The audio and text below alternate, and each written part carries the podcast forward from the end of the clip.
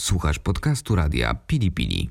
Więcej audycji znajdziesz w naszej darmowej aplikacji dostępnej w sklepach App Store i Google Play. Lisen, czyli lisie słuchowisko o życiu w kamperze. Cześć, tu Zosia. I Kuba. Jesteśmy Foxes in Eden, inaczej Lisy w Edenie. To jest audycja Lisen, czyli lisie słuchowisko o życiu w kamperze. Zapraszamy na odcinek 21 pod tytułem Nasze zasady kamperowania. Dzień dobry, dzień dobry. Dzisiaj taki odcinek trochę poradnikowy, trochę taki doświadczeniowy, jeżeli chodzi o nasze doświadczenia. Chcemy trochę opowiedzieć o takich zasadach może, chociaż to nie są oczywiście jakieś takie reguły, których nie można łamać. Nie musicie brać długopisu, kartek, e, nie będziecie notować. Nie, Myślę, bez że tego- tylko w głowie wystarczy zanotować. Tak, bez tego też da się oczywiście przyjemnie kamperem spędzać czas, natomiast to będą takie nasze spostrzeżenia i porady, które być może ten czas jeszcze bardziej umilą albo spowodują, że będzie milszy. Będziemy dzisiaj opowiadać o tym, na co zwracamy uwagę przed udaniem się na miejsce postojowe, miejsce noclegowe, co robimy już na takiej miejscówce, żeby żyło nam się tam miło, przyjemnie i żeby no, żadnych y, problemów nie było. I żeby żyło się też przyjemnie osobom, które tam być może spotkamy. Oczywiście to nie będą złote zasady dla każdego, to będą takie porady dla osób, które podobnie jak my mają zamiar podróżować i spać, miejsca noclegowe wyszukiwać sobie na dziko, czyli właśnie bez takiej zapewnionej infrastruktury. Czyli poza kempingami, poza takimi wyznaczonymi miejscami dla kamperów. Dokładnie. I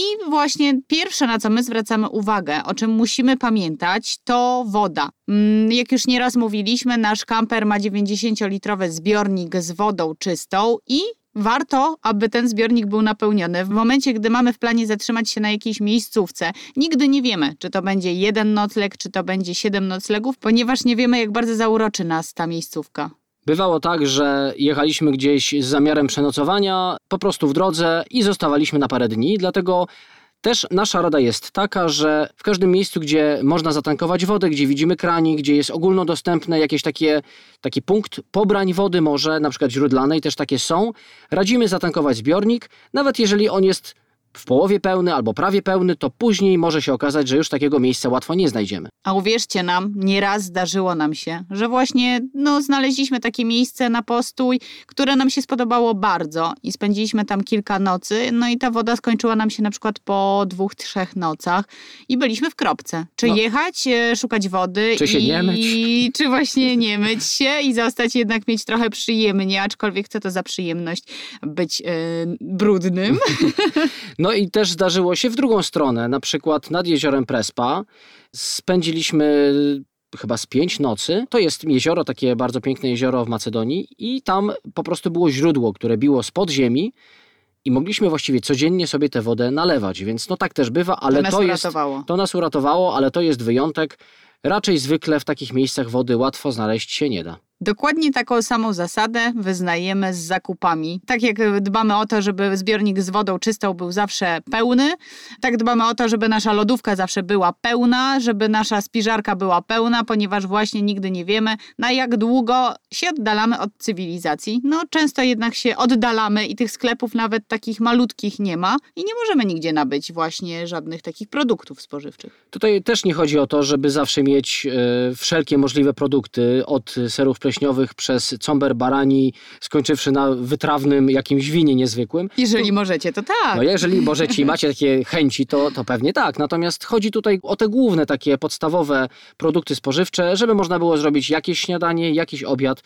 No i jeżeli ktoś potrzebuje jakąś kolację, I wodę pitną też, ponieważ czasami jednak zdarza się, że ta woda pitna jest potrzebna, a my nie używamy na przykład takiej wody z naszego zbiornika na czystą wodę. Tak, dużo ludzi tu może się zastanowić, bo generalnie rzecz biorąc, jeżeli ktoś podróżuje tylko po kempingach, to zwykle ma wodę pitną w tym zbiorniku z wodą czystą i używa tej wody z kranów czy z kranu do picia również. Natomiast ponieważ my jeździmy na dziko, stajemy na dziko, nie zawsze wodę nabieramy w punktach takich oligoceńskich czy z wodą pitną właśnie, to nieraz już ta woda w tym zbiorniku była niewiadomego pochodzenia, może nie taka, że szara jakaś brudna, ale po prostu była na przykład na stacji zatankowana, chlorowana, więc zawsze wodę pitną osobno w bańkach mamy. I tutaj też trochę podobnie jak z wodą czystą. Zdarzało nam się, że takie zakupy nam się pokończyły, a jeszcze nie za bardzo chcieliśmy zmieniać miejscówkę. I tutaj na przykład nauczyliśmy się takiej e, zasady dojadania wszystkiego, to znaczy, no, nauczyliśmy się gotować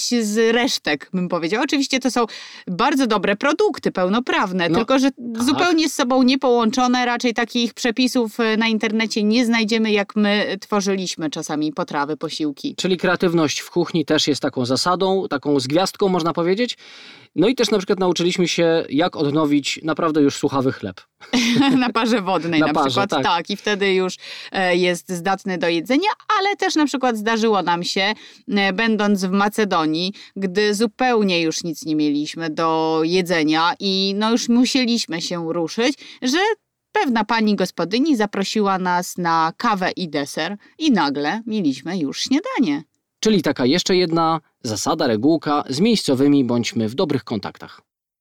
Jak już mamy zapasy wody, jak już mamy zapasy jedzenia, no to udajemy się na miejscówkę. No i na co my zwracamy uwagę, jeżeli chodzi o konkretne już miejsca, kiedy do nich docieramy? No, przede wszystkim zwracamy uwagę na drogę dojazdową. Najczęściej ze względu na to, że oddalamy się jednak trochę od cywilizacji, ta droga już jest e, no taka ziemista, szutrowa, to już nie jest asfalt, więc często musimy patrzeć na pogodę, jak to wygląda w najbliższych dniach, żeby na przykład nie okazało się, że będą jakieś intensywne opady deszczu na przykład, albo śniegu na przykład i żeby nie okazało się, że taka ziemia zostanie rozmoczona i nasze opony się trochę zapadną. I tu nie chodzi też tylko o drogę, oczywiście ona jest ważna, no bo być może będziemy chcieli wyjechać stamtąd z jakiegoś powodu i wtedy ta droga będzie nieprzejezdna, ale chodzi nawet o miejsce, w którym chcemy stanąć. My mieliśmy taką sytuację w Macedonii nad jeziorem Prylepskim. Zaparkowaliśmy sobie w pobliżu jeziora, na trawie, wszystko było w porządku, świeciło słońce, bez problemu tam wjechaliśmy, bez problemu się tam przestawiliśmy kawałek, ale niestety okazało się, że spadł śnieg w nocy, i następnego dnia nie byliśmy w stanie wyjechać, ponieważ nasze opony ślizgały się na trawie przez ten śnieg i w końcu zakopaliśmy się w błocie, ponieważ wszystko było rozmoczone i musieliśmy prosić o pomoc miejscowych gospodarzy. O tym nagraliśmy zupełnie osobny film na naszym kanale na YouTube, więc zapraszamy, odsyłamy na nasz kanał, bo spotkaliśmy się tam z bardzo dużą gościnnością i taka pomoc została nam dana bardzo szybko.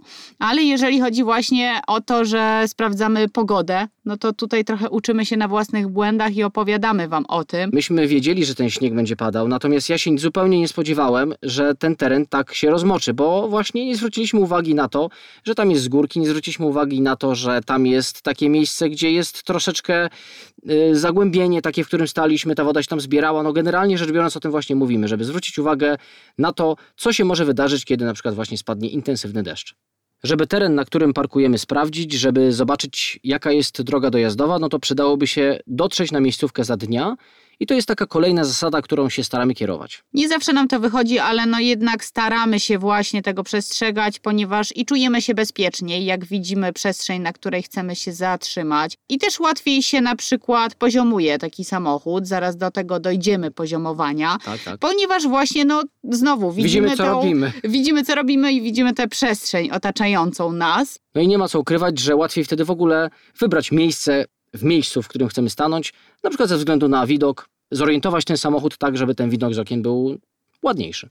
Jak już widzimy miejscówkę, do której dotarliśmy i jeszcze do tego jesteśmy nad morzem, to zwracamy uwagę na bezpieczną odległość od linii brzegowej. Ponieważ w ideale najchętniej pewnie zatrzymalibyśmy się tuż przy wodzie, najlepiej jeszcze na piaszczystej plaży, aczkolwiek no tutaj też istnieje bardzo duże ryzyko zakopania się. Zwracamy na to uwagę, ponieważ w momencie, kiedy są silne wiatry albo przychodzi załamanie pogody, to może się okazać, że plaża będzie zalewana przez duże fale.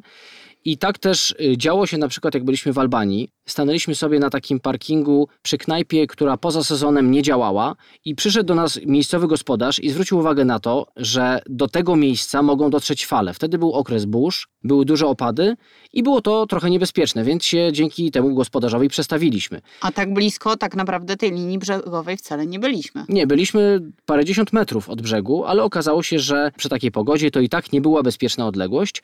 Zwracamy uwagę też na rzeki okresowe, sezonowe, ponieważ stając możemy po prostu mieć wrażenie, że wokół nas są rozrzucone kamienie, a tak naprawdę to będzie koryto rzeki.